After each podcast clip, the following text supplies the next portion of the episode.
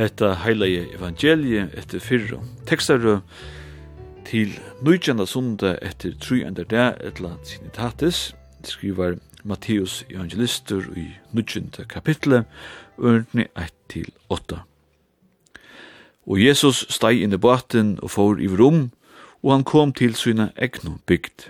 Og så tar kom og berande til hans herra, vi er noen gikt sjuk og manne, og la ui ein song. Og ta Jesus sa trygt herra, sier han vi hin gikt sjuka. Sona moin, hev du godt treste, sinter tuinar eret her fyr givnar. Og sui, nekrir at han skriftlært og hugsa og vissa sjolvun, hesen mævren spotta god. Og ta Jesus sa hugsan herra, sier han, kvi hugsa tid ilt ui gjørstun tikkara. Tu kvært er lattare sia, Sintertøynar er ut her, fyrirgjivnar, ødla sia, statt upp og gakk. Men fyrir at skulle vita at menneskesonen hever vald og gjør til at fyrirgjeva sinter, ta sier han vi hin, tjiktsjuka. Statt upp, tek sangtuna og fer heim til husa. Og han stå upp og får heim til sin kjols. Men ta i mannamikvnar så hetta, ötta oss ter og prysa og gode, som hei givet mannen slukt valgt. Kvært er lattare a sia, sindertunar er ut her, fyrirgivnar, etla statt upp og gakk. Det er spurningrinn i pratikoteksten til nøytjanda sunda etter trujanda dea, etla sinitatis. Nu er det kanskje ikkje så latt og okkara tui at tåsa om gomul hotøk, som oftast hava mist sin upprunalia trytning. Ikkje minst ta år som sind, og i det få folk å hugsa om det som de kanskje hava ete etla drutsk og negv, etla fer de kanskje hugsa og tøtjelig etla konkret om det de hava gjort skreft. Men Iva lest høyt høyde vidsverra at det er lattare sia at sindertunar er ter fyrirgjunnar at det er lettere å sige, tog tekan ønsken hava etterlit vi, om det virkelig er så. Hinvegin kan einu kvør jo kan etter, om det ber til tja einun vi brekje, at reisa seg og genga. Her fast sjón fyrir søgn. Prætikoteksten byrjar annars vi at Jesus stuyr i nye båt og fer i rom til sinne egnu bygd som er ka pernaum. Hetta stendur í fyrsta ørende í 19. kapitlet tja Matteus. Og er beinleis framhald her 8. kapittel sleppte.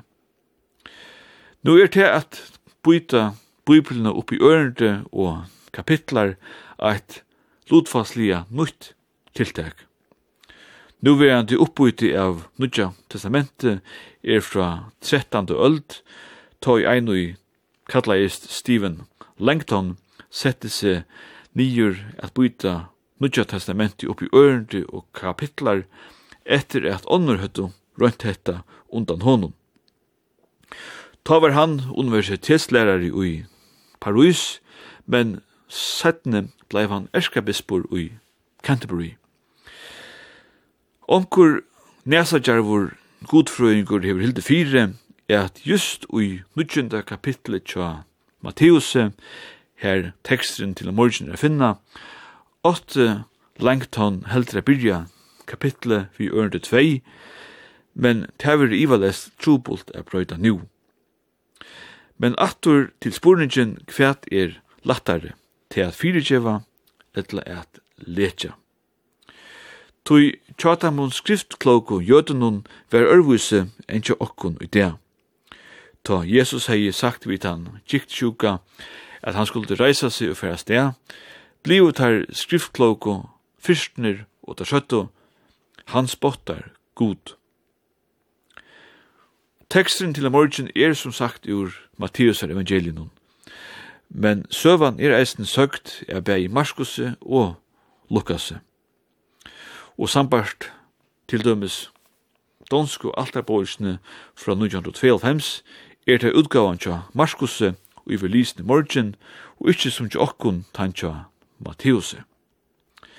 Tja Markusse og Lukas stafesta etla konstatera tar skriftlærdom ikkje bæra Jesus bortar god, nei, tja Markusse og Lukas færa tar esti vujere og spyrja hver annar enn god kan fyrtjeva sinter. Tui fyrtar skriftlærdo ver sintana fyrtjeving ikkje bæra til torførasta, men det var eisne bei og gjørligt og forboi til menneskjon er fer og holdt vi. Ein klassiskur spurningur ui gudfrøyene er nemlig gusset det er til, at det ønta er til, om god eisne er til. Hetta kallast teodicé trubleitjen eit hotek ui heimspekingrin Leibniz longo navngav ui årenon 1600 og tutsjo, og er sett saman av årenon teos ui mersi god, og dike ui mersi rattvise. Trubleidjen er ivalest eins gammal og menneska sjolt, og sambart hugsnar hotnun til jötum, ta i tøyne, våre hansins nei og e lendigheit, til menneska fekk atterlønt fyrir syne misbrot. Hetta sverar til samanhengin mittlen orsøk og avleiing. Ta i menneska fremur fer avleiingar ver hilti i gamla testamentet. Som baksaust vinda spurningin, men ånne voru som ikkje eimjuk, er at de ikkje vilde færa og holdt vi han. Mittlen onnur jobb i gamla testamentet, som leit og god, til god visste hva han gjørte, Håast allar heimsins ólukkur og lyingar raktu jobb. Trubeleikjen vid jo ønda er eisne trubeleikjen i prætikoteksten om det som hendte henda degin og i Kapernaum. Iva lest hever onkur hildi at hesen gikt sjuge mævren som nu blei boren til Jesus la som han hei rett. Hetta var hansara revsing. Men nu fer han a vita at syndenar er honom fyrirgivnar. Jesus leker ikkje bara mannen, han teker eisne grundalegi undan tui gammal testamentlig fætan at nei og elendigheit er Guds revsing. Jesus gjør det opp vi årsøk og avleiing, gjør det opp vi til, vid vi ein fynan åre kunne kalla kausaliteten, etla årsøkene til vannlagnene til hesson mannen. Jesus tok da bostur som der skriftlært helst metto som årsøk til giktsjukene, nemlig sintenar tja mannen. Sintenar var nu mannen fyrtjivnar. Jesus tok bostur bæge årsøk og avlæging.